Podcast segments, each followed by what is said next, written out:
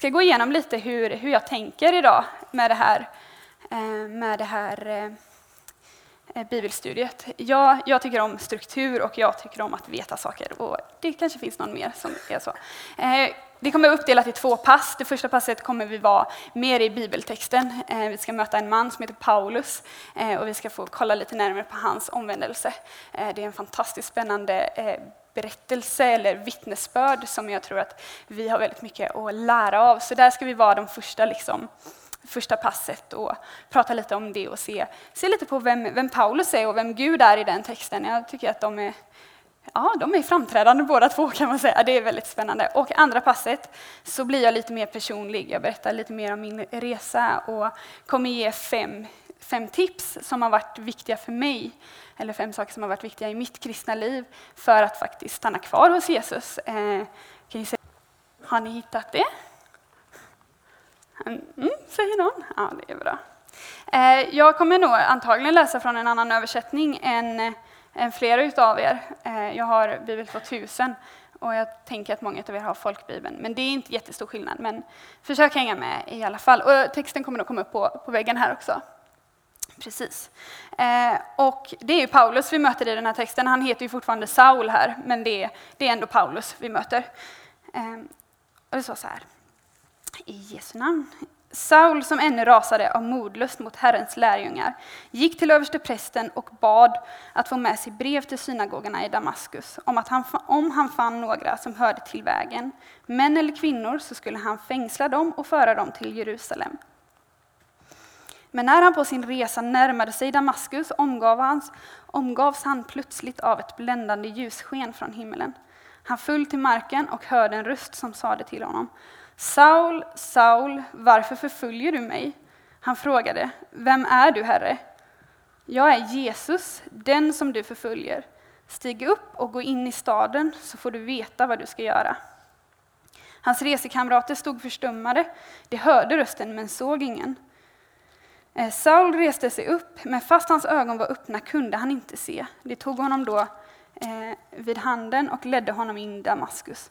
Under tre dagar var han blind och han, och han varken åt eller drack. I Damaskus så fanns det en lärjunge som hette Ananias. Till honom sade Herren i en syn.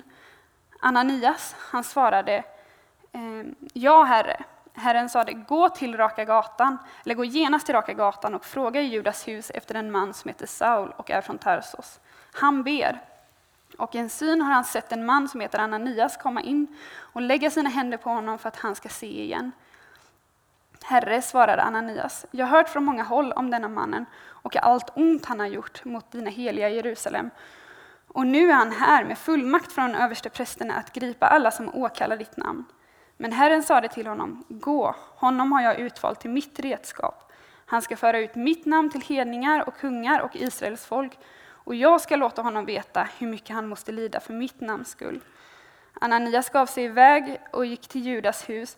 Han lade sina händer på Saul och sade, Saul, min broder, Herren själv, Jesus, som visade sig för dig på vägen hit, har sänt mig för att du ska få tillbaka din syn och fyllas av helig ande. Då var det som fjäll hade fallit från Sauls ögon och han kunde se igen och han lät genast stöpa sig och när han åter hade fått krafterna. Ja, åter hade fått krafterna. Han stannade några dagar hos lärjungarna i Damaskus och började genast förkunna i synagogorna att Jesus är Guds son. Vi kan stanna där. Um, yes.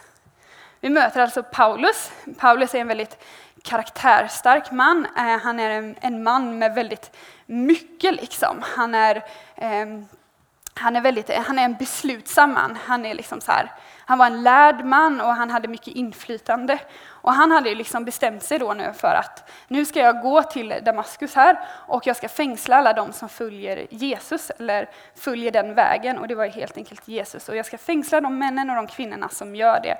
Och han han var så fast besluten över att han skulle göra det här att han till och med gick till översteprästerna och bara kan jag få med mig brev som, som säger att det är okej okay att jag gör det här. Och han får med sig de här breven och han är på väg till Damaskus och det står liksom att han brinner av mordlust.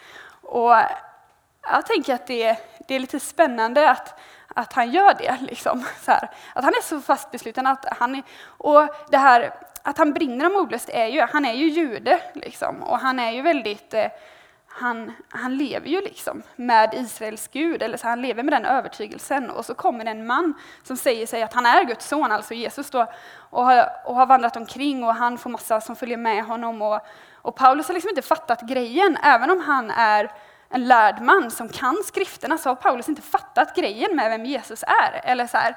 Och, och han bara så här, nej nu ska jag gå och, eh, nu ska jag gå och eh, fängslar de här. Och bara i några kapitel innan här så är också Paulus en av dem, en av dem som är med och stenar, Stef och stenar Stefanos som är den första kristna martyren. Eh, Paulus då, han driver på det lite. Liksom. Så han brann verkligen av modlust. Det var liksom ingen schysst kille som bara så här, nej men eh, ni kanske kan ligga lite lågt. Utan det var liksom en kille som bara, det här är inte okej, de får inte hålla på så här. Eh, och på vägen dit i alla fall så får han ju möta Jesus i, i ja, ett stort ljussken och en hög röst och han bara faller till marken. Det låter ju väldigt dramatiskt. Jag kan tänka mig att det var ganska dramatiskt. Eh, och den här rösten bara, Paulus eller Saul, Saul, varför förföljer du mig liksom?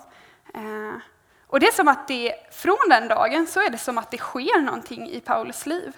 Han är aldrig densamme efter det mötet. Han får möta Jesus på den vägen. Eh, och han, han blir liksom aldrig densamme efter det. Och jag tänker att det är ofta så, eh, i alla fall med många vänner som jag har pratat med, och jag kan se det i mitt eget liv, att från den dagen jag fick möta Jesus så är mitt liv något helt annat än vad det var innan. Eh, Hela min världsbild och jag kan tänka mig Paulus också, hela hans världsbild bara förändrades. Liksom. Och man kan ju tänka så här, temat är ju verkligen så här, från mörker till ljus. Jag tycker Paulus är så, eh, alltså han är så ett klockrent alltså exempel eller föredöme i det. Han, och han var ju helt övertygad om att det han gjorde var rätt. Så här. Eh, och han trodde att han levde i ljuset och så kan jag se i mitt eget liv att jag trodde att det som var i mitt liv innan jag mötte Jesus, det var ju också rätt. Liksom.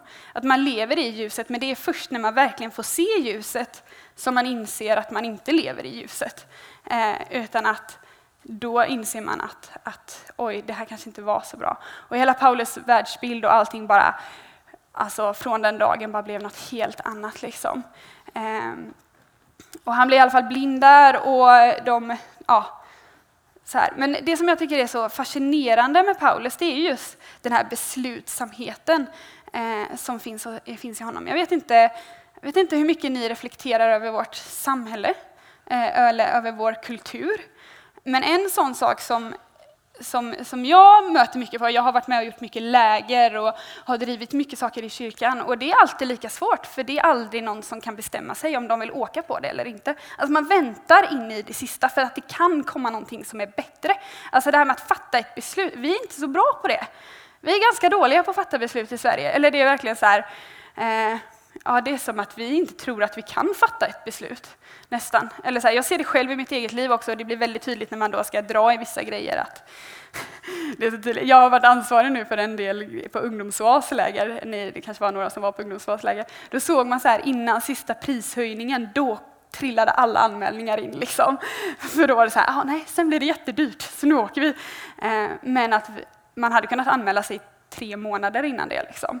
Så det var ändå så här, ja men det var lite svårt att fatta beslut. Och det är det som jag tycker är så fascinerande med Paulus, att han fattar ett beslut och så går han på det beslutet. Oavsett om det är att han lever i, då, i, i mörkret, att han ska då fängsla och kanske döda alla de kristna, eh, så har han i alla fall fattat ett beslut och han går på det beslutet.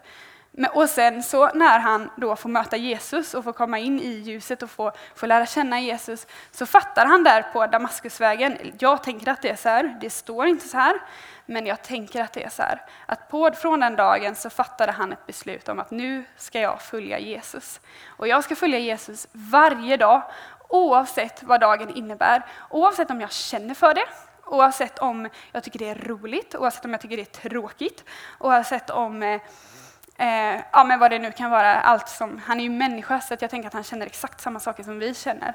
Eh, så. Men han fattade i alla fall ett beslut, bara, jag ska följa Jesus. Och när man, när man har läst Bibeln ett tag, jag tänker att många av er har säkert gjort det och många är väldigt nya och det finns ingen, det finns ingen värdering i det. så. Eh, Men när man har läst Bibeln ett tag så märker man att Paulus, alltså han hade en ganska otacksamt liv egentligen. Det var inte så här, det är inte drömlivet direkt. Att så här, till och med redan från den dagen när han blir kristen eller får möta Jesus så säger Jesus om oh, jag ska visa honom hur mycket han kommer få lida för sin tro. Och det kan man ju säga att han fick göra. Är det nog knappt någon annan i Bibeln som var lika, eller i alla fall det var det ju såklart, men kanske inte i breven som framkommer så tydligt, eh, att att han fick stå ut med väldigt mycket. Han var liksom väldigt så föraktad av många judar. Och från att ha varit kanske då lite hyllad av de här fariseerna och, och översteprästerna som inte heller tyckte om Jesus så mycket och de kristna. Från att vara lite så här hyllad utav dem och tycka att ja, det här är en bra kille, han kan vi skicka i spetsen. Liksom. Till att helt plötsligt bara älska Jesus av hela sitt hjärta och bara vilja göra... Ah, ja, jag kan tänka mig att det blir lite konflikt där. Eh, och, och han fick verkligen lida. Alltså, I flera av sina brev så sitter han i fängelse. Alltså, han är fängslad för att han tror på Jesus. Han är piskad för att han tror på Jesus. Men han har också stunder när han är jätteglad och när han bara lovprisar Jesus. Och det som är mest fascinerande är att ofta är de stunderna i fängelset. Eller så här, ja, jag kanske inte hade varit så glad på Gud om han satte mig i fängelse för att jag trodde på honom. Men jag är inte Paulus. Eh, och så, men han hade mycket glädje i sitt liv, men han hade också mycket lidande i sitt liv. Och jag kan tänka mig att eller vi alla kommer möta på saker som är jobbigt i våra liv. Så är det. Alltså, väljer man att följa Jesus så kan man inte tänka att det kommer vara en räkmacka. Liksom. Nu är det gött och ja, men jag känner Jesus. och alltså så här, ja, men Det här är gött. Eh, det är de tiderna också. Liksom. Men ofta är det ganska mycket öken faktiskt. Eller inte öken, men ganska så likgiltigt på något vis. Och alltså man känner lite så här, ja, det blir liksom vardag med Jesus också. Jag tror inte att det behöver vara så egentligen. Eh, jag tror att vi kan jobba på vår relation med Gud och vi kan upprätthålla den och vi kan, eh, vi kan liksom så här, bjuda in Jesus i allt vi gör och då, eh, då har i alla fall jag upplevt att när jag gör det i mitt liv så, så blir inte min relation med Jesus lika torr. Eller så där. Men, men det finns perioder som, eller livet är, att, att leva med Jesus är lite som att åka berg och dalbana. Det är lite så här, det går upp och det är gött och det går ner och det är inte så gött och det går rakt fram och man känner bara så här, vad är jag på väg? Och sen kommer något oväntat och, och så. Men det är så livet med Jesus är och det, det är väldigt bra. Men det, det som jag verkligen vill lyfta upp utifrån Paulus är här eh, i den här texten är just den här beslutsamheten som han har. Eh, för jag tror att det är en av de viktigaste delarna i det kristna livet, att vi beslutar oss för att följa Jesus. Eh, och det är ett beslut som jag tror ska vara baserat inte på vad jag känner. Jag vet inte, hur många här inne är känslomänniskor? Ja, men vi är ett gäng. Ja, men det är gött. Eh, det är gött att vara känslomänniska, men det är också ogött att vara känslomänniska. För vissa dagar så känner man bara så här, åh, allt är bra, och sen bara tre minuter senare så bara, eh, allt är inte så bra. Eh, så. Men, ja, jag vet inte, så är i alla fall mitt liv. Men men Paulus liv var också så här, allt är gött och allt är inte gött, men han hade ändå beslutat sig för att följa Jesus. Han hade beslutat sig för att där på Damaskusvägen så finns det liksom ingen tillbakaväg. Eller så här, för han hade ju fått se att, att han hade levt i, i en lugn på något sätt, i mörkret. Och nu fick han komma in i sanningen och då fanns det ingen återvändo för honom, oavsett hur livet såg ut. Och våra liv kommer se olika ut. Vi kommer uppleva olika saker och Gud har liksom lagt olika Um, men Gud, har ju, Gud vet ju hur ditt liv ser ut, liksom. och Gud vet ju hur mitt liv ser ut. Och våra liv ser ju inte likadana ut.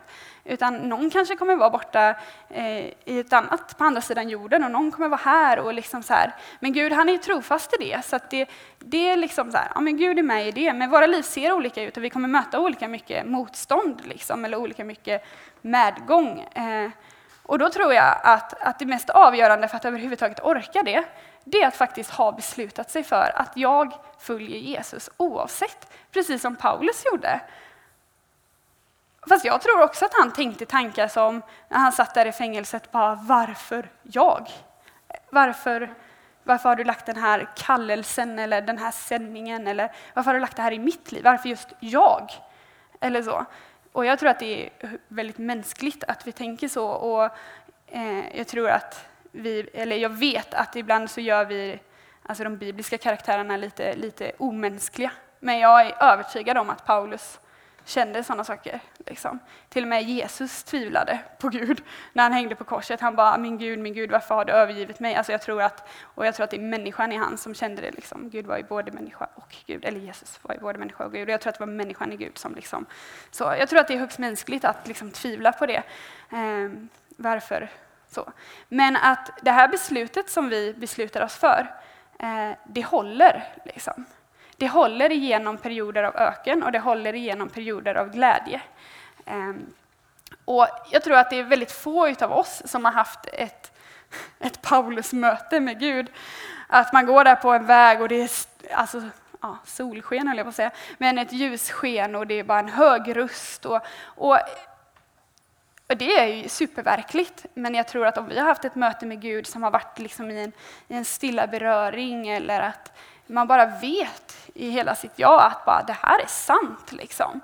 Eller om det är någonting som har vuxit fram eller om man hade eh, verkligen eh, så här, en dag, här tog jag emot Jesus. Egentligen, förstå mig rätt nu, egentligen så spelar inte det så stor roll. Det viktigaste är att det har skett. Men det spelar ingen roll om det är jättestort eller väldigt litet eller så, för allting är lika verkligt. Liksom. Alltså ditt möte med Gud och mitt möte med Gud är lika verksamt som Paulus möte med Gud. Jag hade ingen sån där buller och bångupplevelse. Liksom. Absolut inte.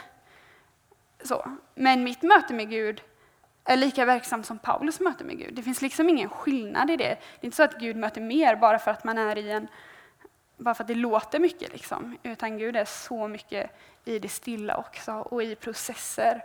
Och i så. Och det mötet och den övertygelsen liksom om att, eller det beslutet som man fattar, alltså det är verkligen ett beslut som håller. Jag kommer trycka jättemycket på det här, för att det, just för att vi är så dåliga på att fatta beslut i Sverige och just för att vi är så dåliga på att förstå att våra beslut håller. Eller det är verkligen så här, Ja, typ som när jag skulle välja utbildning så, så var jag så här, ja, men jag ska bara söka ALT. Och så sökte jag ALT. Och sen fick jag panik. Jag bara, nej, nej, jag måste söka något mer. För tänk fall, nej, tänk fall jag inte vill det här. Liksom. Och så sökte jag någon fritidsledarutbildning och det är verkligen inget fel på en fritidsledarutbildning, men det var absolut inte det jag ville. Men jag var ju tvungen att söka det för att jag hade så svårt att fatta beslutet att jag vill gå på ALT. Det var ju först när de bekräftade mig att jag hade kommit in, så jag var så här, ja, det är klart att jag ska gå här. Och så fick jag tacka nej till de här andra platserna. Men det var verkligen så här, ja, vi är ganska dåliga på att fatta beslut och därför trycker jag mycket på att det beslut som du har fattat en gång med Jesus, det håller. Och precis som att ALT bekräftade mig när jag, att jag kom in på ALT, så är det faktiskt så att innan du har valt Gud så har Gud redan valt dig. Eh, och det är ändå det som är det viktiga i och det är det som är botten eller grunden på att våra beslut överhuvudtaget håller. Det är att Gud har valt dig innan du har valt Gud. Och det kanske inte alls är några nya ord och jag tror inte att det behöver vara nya ord för jag tror bara att vi måste bli bättre på att tala Guds sanningar över våra liv. Liksom. Eh, och det är verkligen en sanning och det är en sanning som håller ända in i evigheten. Att Gud har valt dig före du väljer honom. Det är inte så att vi kan lägga till någonting i evangeliet. Evangeliet handlar inte om vad jag gör för Gud utan evangeliet handlar om vad Gud har gjort för oss. Att Jesus har dött och uppstått för våra synder. Och i och med att han har dött och uppstått så har han valt dig. Alltså han står där med öppna armar och bara, det är bara att komma hem. Liksom. Eh, och man kan ju tänka lite då, om, om vi ska gå tillbaka till Paulus, så kan man ju tänka lite att han var inte, hade ju inte den mest smickrande, alltså så här, det mest smickrande CV till att få, få komma in i Guds rike egentligen. Om man tänker då att Guds rike är, det är renhet och det är helighet och Gud är närvarande och det är liksom, alltså, det är så sjukt bra. Eh, så tänker man kanske inte att, att om man bara ser på Paulus CV eller det mänskliga i honom, liksom, att han, han brann av modlust, han har varit med och dödat en person, han skulle fängsla alla. Alltså, han var kanske inte supertrevlig så. Eh, och så känner man bara så här, yeah, det är han vi ska ha i spetsen. Men Gud, Gud bryr sig inte så mycket om hur vårt liv har sett ut. Utan det viktigaste för honom är att vi kommer hem och att vi liksom lämnar det vi hade och kommer in i det nya som han har. För att den dagen vi tar emot Jesus så skapar han någonting nytt i oss. Jag har många gånger, jag kommer berätta det här lite sen, jag har många gånger varit väldigt, väldigt ledsen över att jag inte är uppvuxen i en kristen familj och det är jag fortfarande. Det, det är en stor sorg för mig att mina föräldrar inte känner Jesus eller att hela min släkt inte känner Jesus. För jag tror att Jesus är det bästa som finns. Jag tror att livet med Jesus är det bästa livet man kan leva. Och då är det ju jättejobbigt att mina föräldrar, som står mig jättenära, inte känner Jesus. Men när jag satt och tänkte det här en gång så var det som att Gud bara, men Jasmin, ser du inte att jag gör någonting nytt i din släkt? Och jag bara, vad menar du? Och han bara, nej men både du och din bror är kristna. Eh, och jag har skapat någonting nytt i din släkt. Liksom. Din släkt behöver inte alltid vara den släkten som är, inte känner Jesus, utan nu har det börjat någonting nytt. Och det gör Gud i alla människor som tar emot honom. Oavsett om man är uppvuxen i en kristen familj eller om man är uppvuxen i en icke-kristen familj. Alltså Gud gör någonting nytt den dagen vi tar emot Gud. Eh, och jag tror att det är så viktigt liksom, att förstå det. Eh, och det är därför också det är så viktigt att man på något sätt ehm, eller det är därför också blir så tydligt att man lämnar någonting och går in i något nytt. Liksom. Man lämnar mörkret och går in i ljuset. Man kan inte vara, alltså det är inte mörkt där det är ljust. Liksom. Det är alltså så. Man lämnar det för att man går in i någonting nytt. Och det gjorde Paulus också. Han lämnade det som var det han brann av. Liksom. Och jag tycker att den här texten är så häftig, för det händer så mycket i den. Alltså, Gud är med, såklart. Eh, och Paulus är med och Ananias är med. Och det är ett helande och det är en profetia. Det var ju, eller så här, en, ja, en profetisk syn. Ni, han pratade lite här förut om profetisk förbön. Verkligen gå på det, så bra. Eh, Alltså det händer så mycket i den här texten och Gud bara visar sin storhet och sin godhet i den. Liksom. Att, eh, ja men, det, ja, det kanske inte är så många här heller som bara, nu möter vi Gud och så blir vi blinda.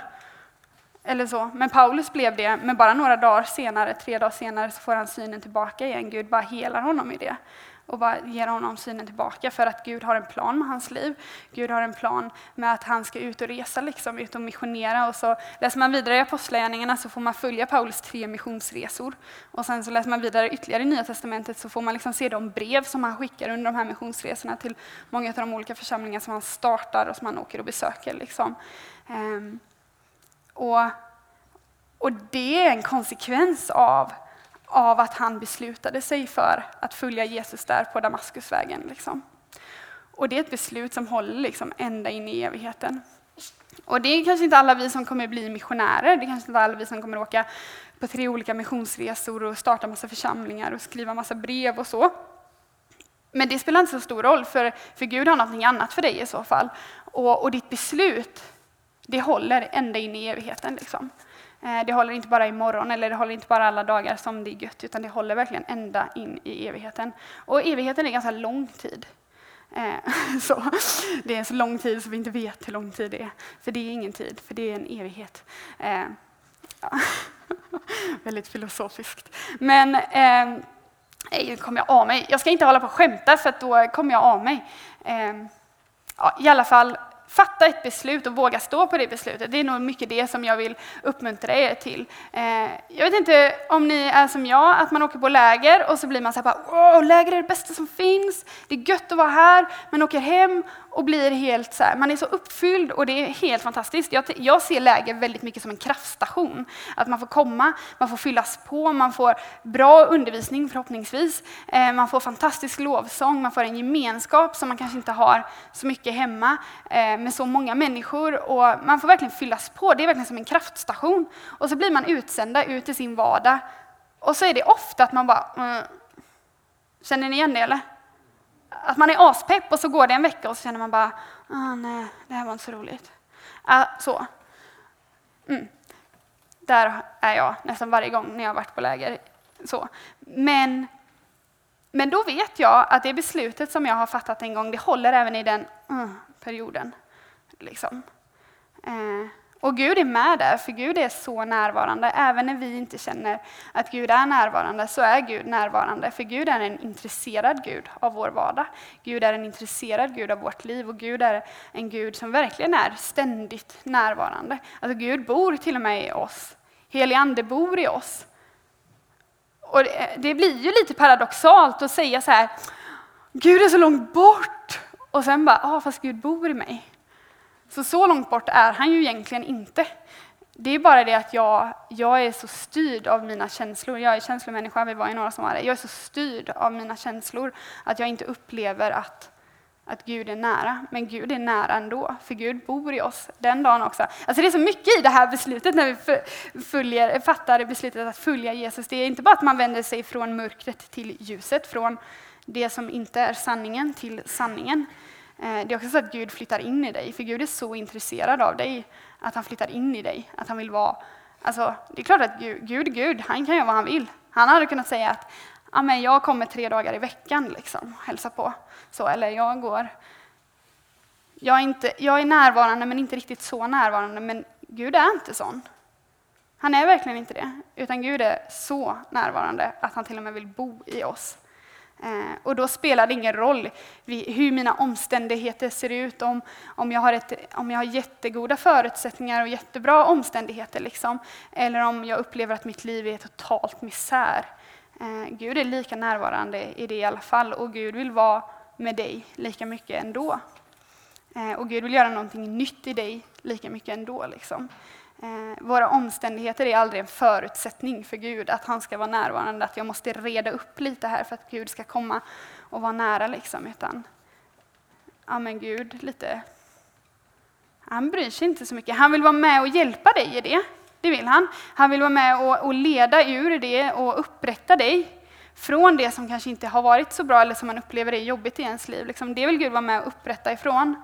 Men det är aldrig ett hinder för honom att han skulle vara närvarande. Liksom. Och i det här beslutet som vi fattar så får vi, då flyttar Gud in i, in i våra liv och in i våra omständigheter. Eh, och det är liksom ett beslut som håller forever. Så, eh, nu har jag hoppat jättemånga sidor här, nu vet jag inte vart jag är.